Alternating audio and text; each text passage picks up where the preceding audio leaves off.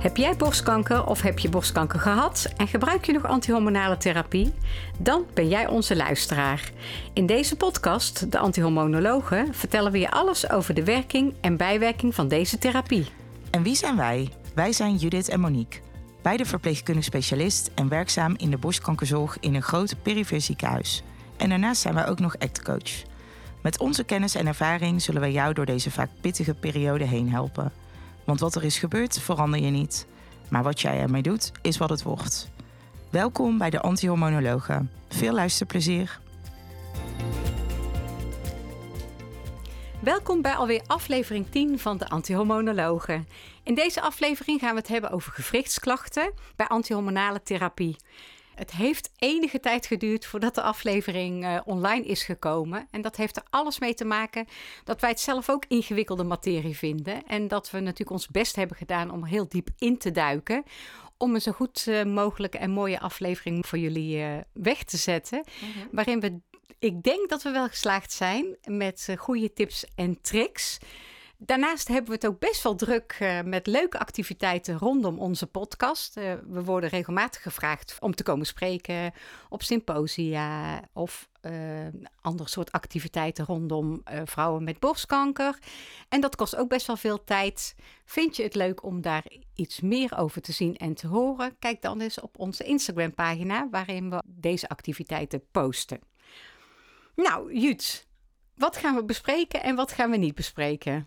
Ja, we gaan het dus hebben over die gewrichtsklachten, wat je net ook al aangaf, en spierkrampen. Het is wel even belangrijk om te zeggen dat we het niet gaan hebben over botontkalking, of ook wel osteoporose genoemd.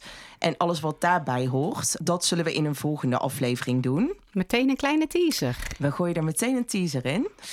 Belangrijk is wel te weten dat de gewrichtsklachten, waar het in deze aflevering dus over gaat, niks te maken hebben met botontkalking. Al kan het natuurlijk wel naast elkaar bestaan. We gaan dus eerst maar weer een beetje beginnen met een stukje theorie en wat cijfertjes en feiten, zoals jullie ondertussen van ons gewend zijn. 30 tot 50 procent van de patiënten die antihormonale therapie gebruikt, rapporteert gewrichtsklachten. En dan moet je denken aan klachten als pijn, stijfheid, zwelling en soms roodheid van de gewrichten en tintelingen. Deze dus zijn er best wel veel dus. Nou, dat is een grote groep. Ja, precies. Dat kennen wij denk ik ook echt uit, uh, uit onze dagelijkse praktijk. Ja. En deze klachten komen voor in de grote, maar dus ook in de kleine gewrichten. En dan moet je bij de kleine gewrichten denken aan bijvoorbeeld de vingers. Mhm. Bij alle medicijnen die we geven tijdens de antihormonale behandeling, want dat kunnen er dus verschillende zijn, zoals we ook al eerder met jullie besproken hebben, kunnen deze klachten in meer of mindere mate voorkomen.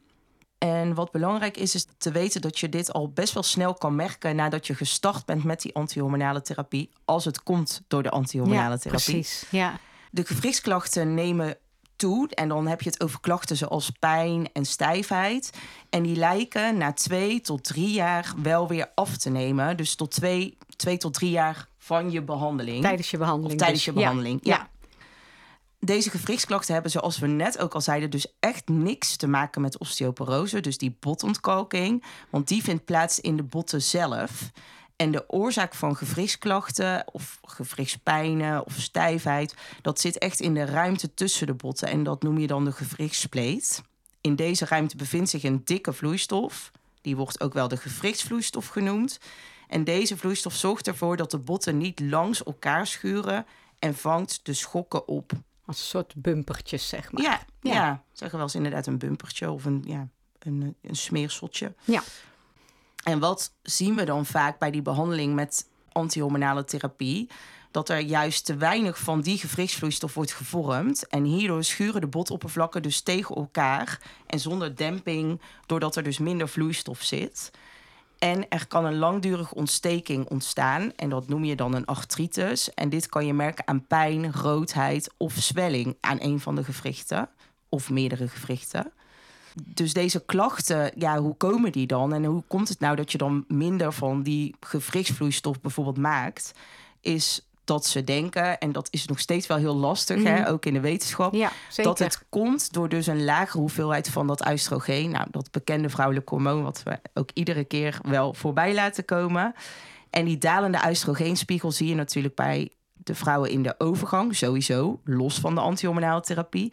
En bij mannen door de afname van het testosteron. Maar ook dus bij patiënten bij wie de oestrogeenproductie geremd wordt of geblokkeerd wordt door de behandeling met die antihormonale therapie.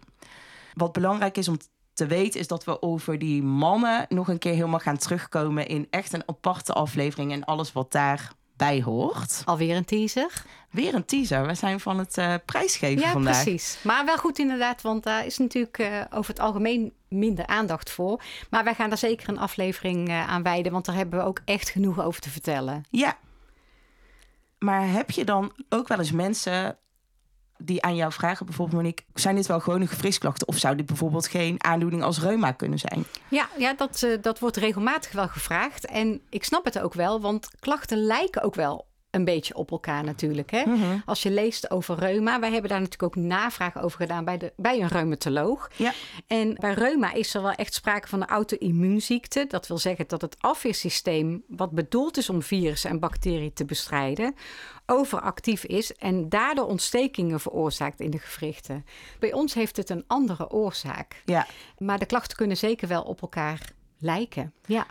Ja, dus dat is wel belangrijk dat het om inderdaad te onderscheiden dat het echt een hele andere aandoening is. Ja. Ondanks dat je het soms niet helemaal kan schiften. Nee, en kijk natuurlijk, als daar twijfel over is, hè, als mensen hele hevige klachten hebben, kan je natuurlijk altijd aan je behandelaar vragen of die dat wil kortsluiten met een reumatoloog. Hè? Ja. Of er een, een, een indicatie is om, Om dat eh, verder te onderzoeken. om dat verder te onderzoeken. Dat is altijd goed om eh, in je achterhoofd te houden, denk Ja. ik. Wat we dan ook vaak horen en wat mensen ook vaak dan vragen, van is er dan ook meteen al sprake van slijtage? Ja, die, die slijtage of die artrose, hè, dat is natuurlijk iets wat, wat, wat we inderdaad vaak terug horen. Maar dat is dus zeker niet zo. Het kan natuurlijk wel zo zijn dat je dat hebt. Hè, dus Ja, we kunnen absoluut. niet zeggen dat Ja. het er niet is. Maar het is er niet zo dat je er artrose van krijgt. Het lijkt erop dat je dus wat vocht kan vasthouden in de gewrichten. En dat zorgt voor dat typische stramme, dikke gevoel. Mhm. Eh, maar dat is dan niet een diagnose als artrose of een aandoening als Nee. artrose. Nee, en inderdaad goed om te zeggen, maar dat gaan we echt nog wel een paar keer herhalen. Dat natuurlijk het kan zijn dat je naast klachten van je antihormonale therapie onderliggend artrose hebt. Of een andere reden waarom je stram bent in je gewrichten. Of pijnlijke gewrichten hebt, Ja. inderdaad. Ja, dat, dat kan natuurlijk zeker los van elkaar bestaan. Ja. ja. Ja. En dat is dan natuurlijk ook eh, de volgende vraag. Want dat is natuurlijk ook een van de meest gestelde vragen. Dus gaan die klachten nu weg als je stopt met die antihormonale therapie? Wat zijn jouw ervaringen? Of wat, wat, wat weet jij daarvan? Ja, ik vind dat dus... We hebben het daar natuurlijk samen ook over Ja. gehad. Eigenlijk heel wisselend. Hè? We hebben ook natuurlijk in onze eerdere afleveringen gehad... over dat we wel eens switchen van therapie of proefstoppen doen... om te kijken of klachten minder worden. Ja. Zodat je kan meten van... Is het, komt het nou ook echt door die antihormonale therapie? En mijn ervaring is ook wel echt dat je ziet dat gewrichtsklachten niet zozeer afnemen na vier tot zes weken Nee, stoppen. Wat we dan wel eens doen. Nee. Hè, dat vrouwen dan toch wel blijven aangeven van joh, sommige dingen gaan echt weg, maar mijn gewrichten. hm.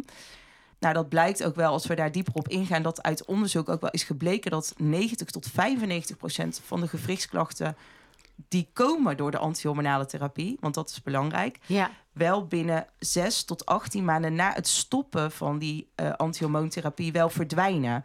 Dus nou, dat illustreert ook wel wat wij zien in de praktijk. Dat, dat het hele korte stoppen, wat we soms dus wel eens doen, dat dat voor de gewrichtsklachten eigenlijk ja, niet zo heel veel zin heeft. Nee, dat vind ik ook wel een goede bewustwording. Dat je dus inderdaad, eh, als mensen een proefstop overwegen voor Gewrichtsklachten. gewrichtsklachten, dat dat weinig resultaat gaat opleveren. Ja, omdat we dat natuurlijk het liefst adviseren Ja. voor een kortere periode. Ja, Ja, en waar je dus natuurlijk altijd rekening mee moet blijven houden, is dat klachten natuurlijk er al kunnen zijn of zijn overgebleven door een andere vorm van behandeling ja, die je al eerder hebt gehad. Of ja, onaardig gezegd, toch ook omdat we ouder worden. Hè? Ja. Daar kan het ook bij passen.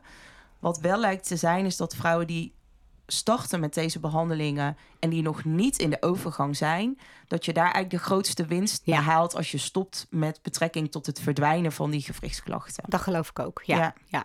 Nou, dat is, ook, dat is ook goed om te horen natuurlijk. Hè? Ja, En eh, naast alle gewrichtsklachten die uitgebreid aanwezig zijn, horen we toch ook wel vaak terug, vind ik, dat mensen spierkrampen hebben. En dat kan natuurlijk ook echt heel lastig zijn. Hè? Als je net lekker in je bedje ligt en je spieren verkrampen. En dus ik denk dat het goed is dat we ook nog even omschrijven... wat is nou eigenlijk een spierkramp? Wat gebeurt er dan? Ja, bij een spierkramp trekken eigenlijk alle vezels in je spieren onwillekeurig en heel plotseling samen. Dat is dus een beweging die je zelf niet kan sturen, dus waar je geen invloed op hebt, maar wel echt super pijnlijk kan zijn. Een spierkramp kan in principe in iedere spier van je lichaam ontstaan. Mhm. Maar je ziet het meestal in de spieren waarin er wat minder doorbloeden of zwaar belaste delen van je lichaam. Dus dan moet je vooral denken bijvoorbeeld aan je kuiten en je voeten. Dat is een stukje theorie over ja, wat zijn nou die Mhm. spierkrampen. Ook weer de vraag, kun je dat genezen of kun je daar iets aan doen of kun je het voorkomen? Ja, het is, eh, het is een ingewikkelde materie. Hè? En Mhm. eh, spierkrampen, gewrichtsklachten. We, hebben er, we zijn er echt goed diep ingedoken, maar er zijn ook gewoon weinig onderzoeksresultaten die de gouden oplossing bieden. Dus dan moeten we weer gaan kijken hoe ga je dan om met deze bijwerkingen die de kwaliteit van leven kunnen beïnvloeden. En eh, dat blijkt ook zeker uit de hoeveelheid reacties die we hebben gekregen hè, toen we gepost hadden. Wat wil je weten over gewrichtsklachten? Nou, in no time hadden we iets Ja, van echt. 50 vragen. Zoveel vragen. Ja, ja. over mensen die graag daar meer van willen weten en ondersteuning bij eh, willen hebben. Ja, dus dat En- illustreert ook echt hè, wat we ook zeggen aan die cijfers. Ja. Het komt zoveel voor ja. en eh, het is een lastige bijwerking. Ja, en dat zien we ook dus ook wel terug. Hè? En wat je dus moet doen, is het proberen te beschermen van je gewrichten. Om die gewrichtsklachten te verminderen of te voorkomen. Ja, en voorkomen is dan ook nog een lastige.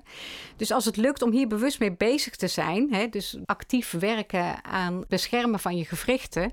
Dan kan het wel die pijn en die vermoeidheid en die overbelasting verminderen. Dus Ja. laten we daar gewoon wat tips over bespreken ten Ja. aanzien van het bewegen. We gaan het een beetje opsplitsen om een beetje goed overzicht te houden. Eh, Dus de tips die we nu geven zijn, hebben inderdaad betrekking op bewegen.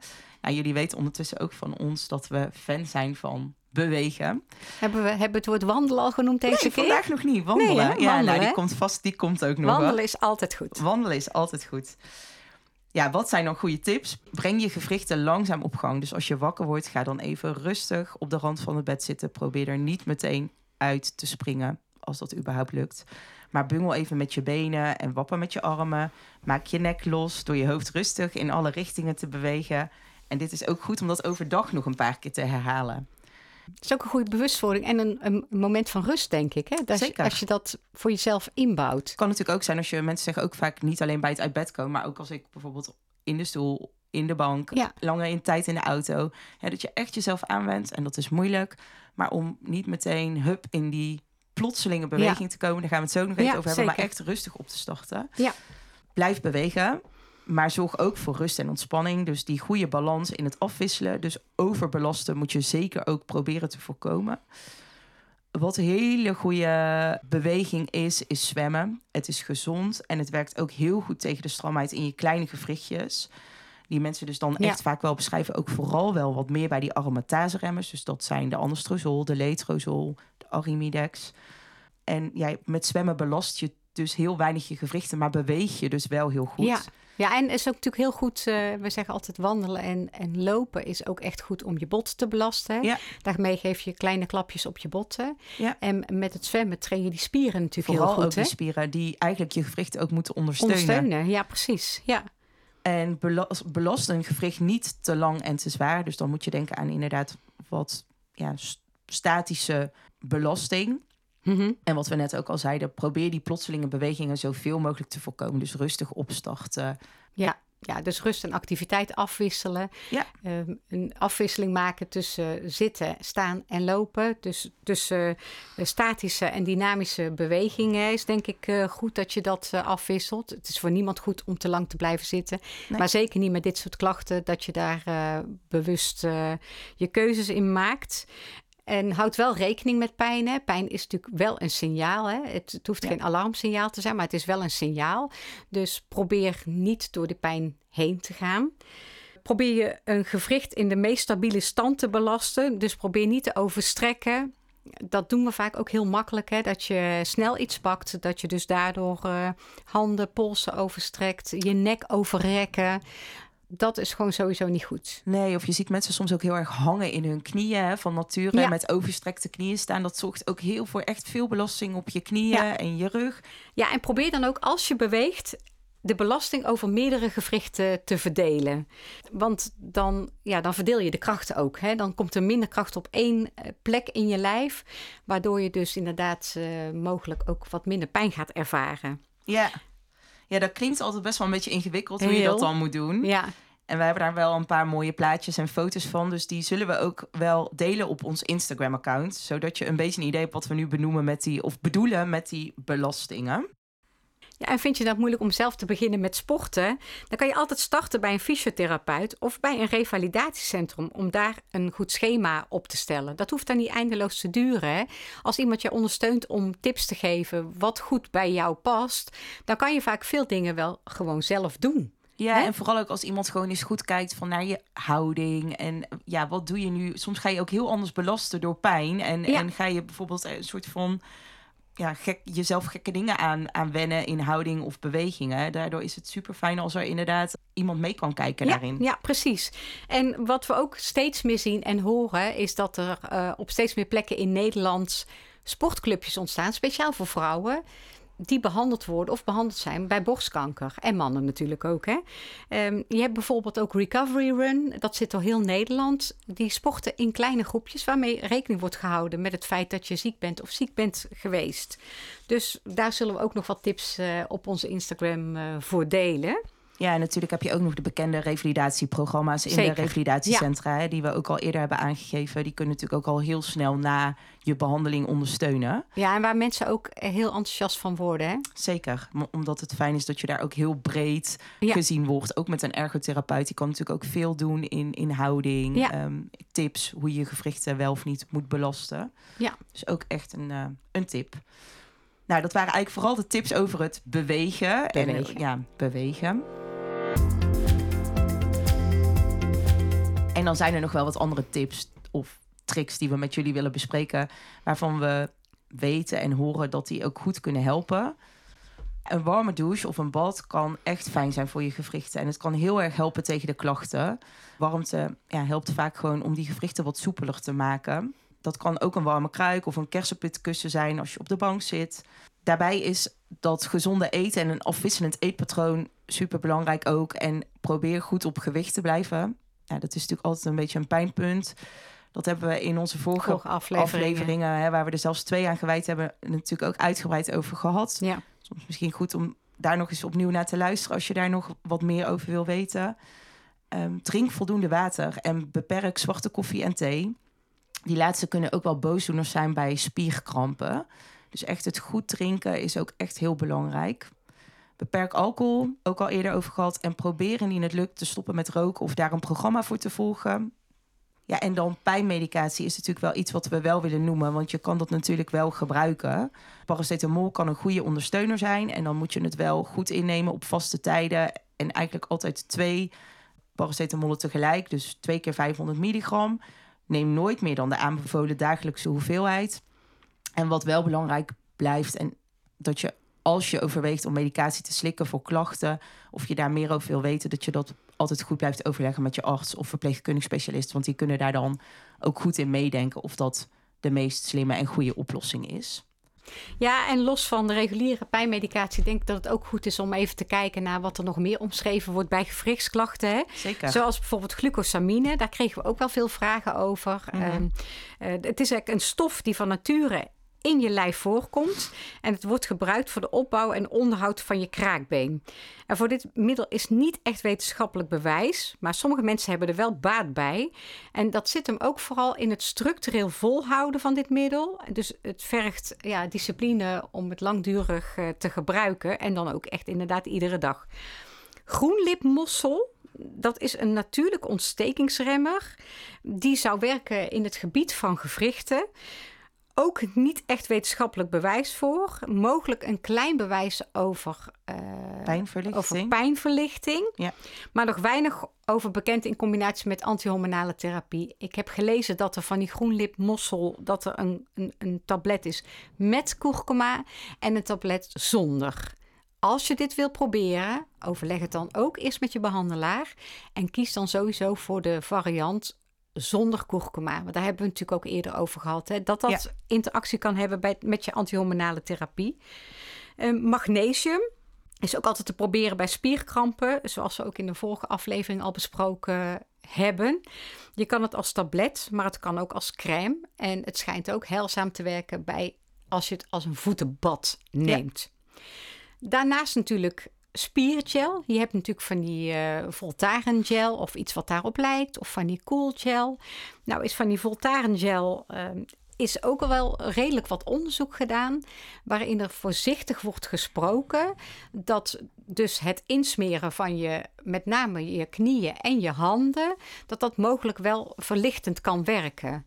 Dus dan heb je wel de voordelen van de Volta, Voltaren of de diclofenac, hè, zoals de, de NSAID, zoals de groep medicijnen heten.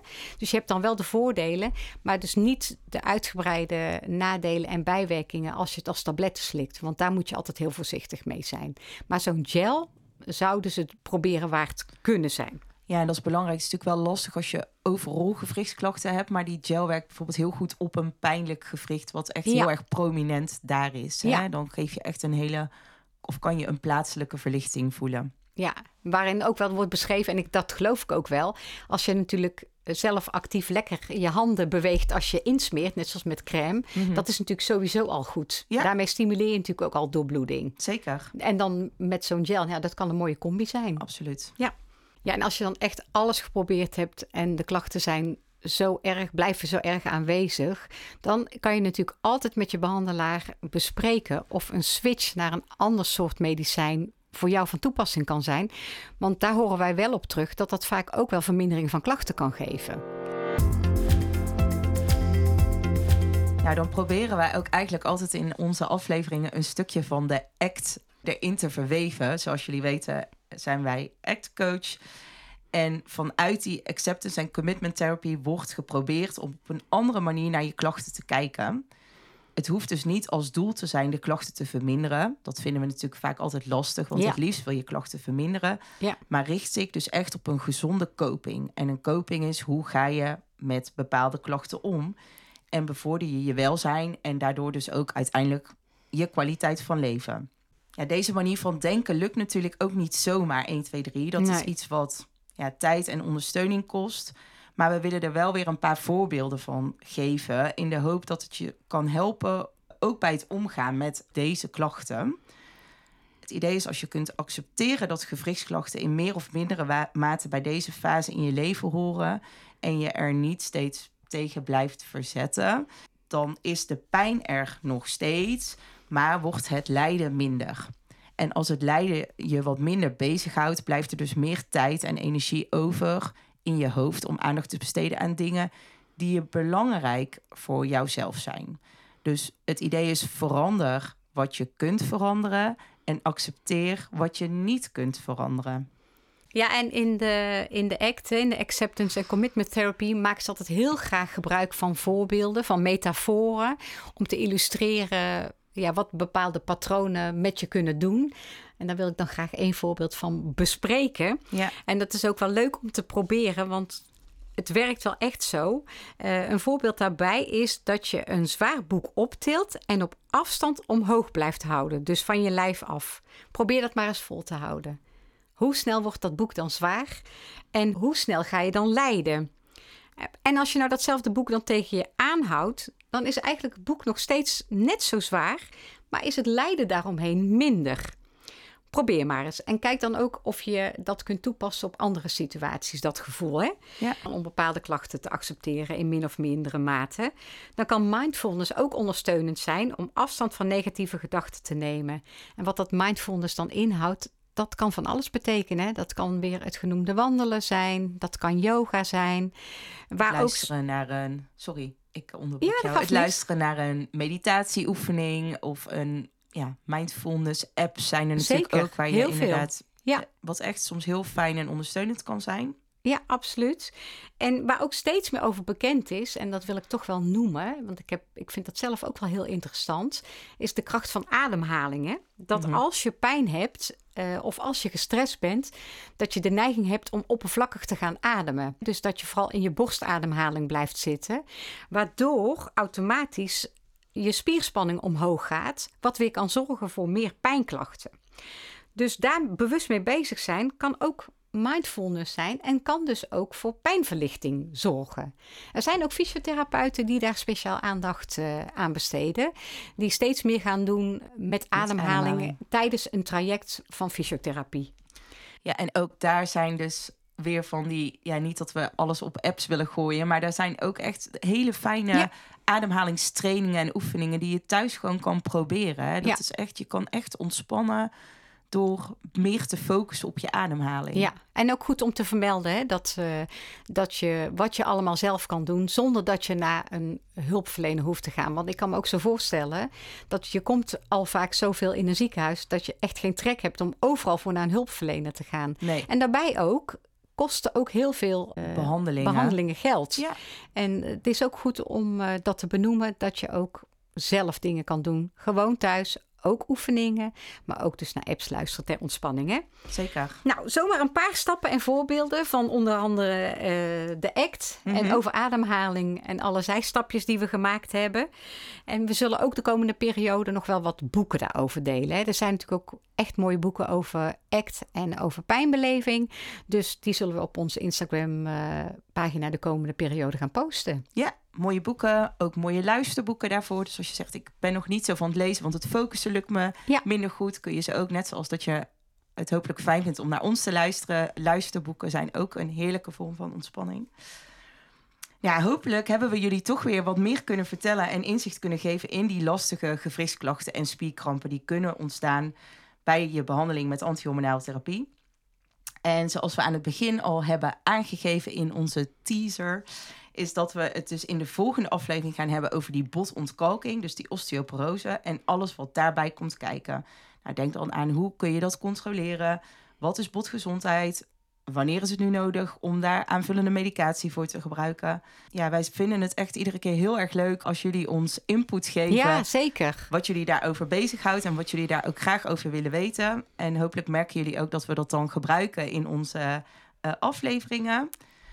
Ja, dank jullie wel weer voor het luisteren naar ons. En ja, jullie kunnen ons dus volgen op de bekende en luisteren vooral op de bekende podcastkanalen. En volgen op ons Instagram-account, de Antihormonologen. Als je je abonneert op onze podcast, en dat is helemaal gratis, maar daardoor krijg je wel iedere keer ook een melding als we een nieuwe aflevering plaatsen. En je kan ons ook beoordelen. En dat vinden we ook heel fijn, want daardoor krijgen wij goede feedback. En zien we ook dat het daardoor makkelijker is voor andere mensen om ons te kunnen vinden. Ja, dat eh, vergroot onze zichtbaarheid. En hoe meer mensen we kunnen ondersteunen, hoe beter het is natuurlijk. Zeker, daar doen we het voor. Absoluut. Bedankt voor het luisteren en tot de volgende keer. Tot de volgende keer.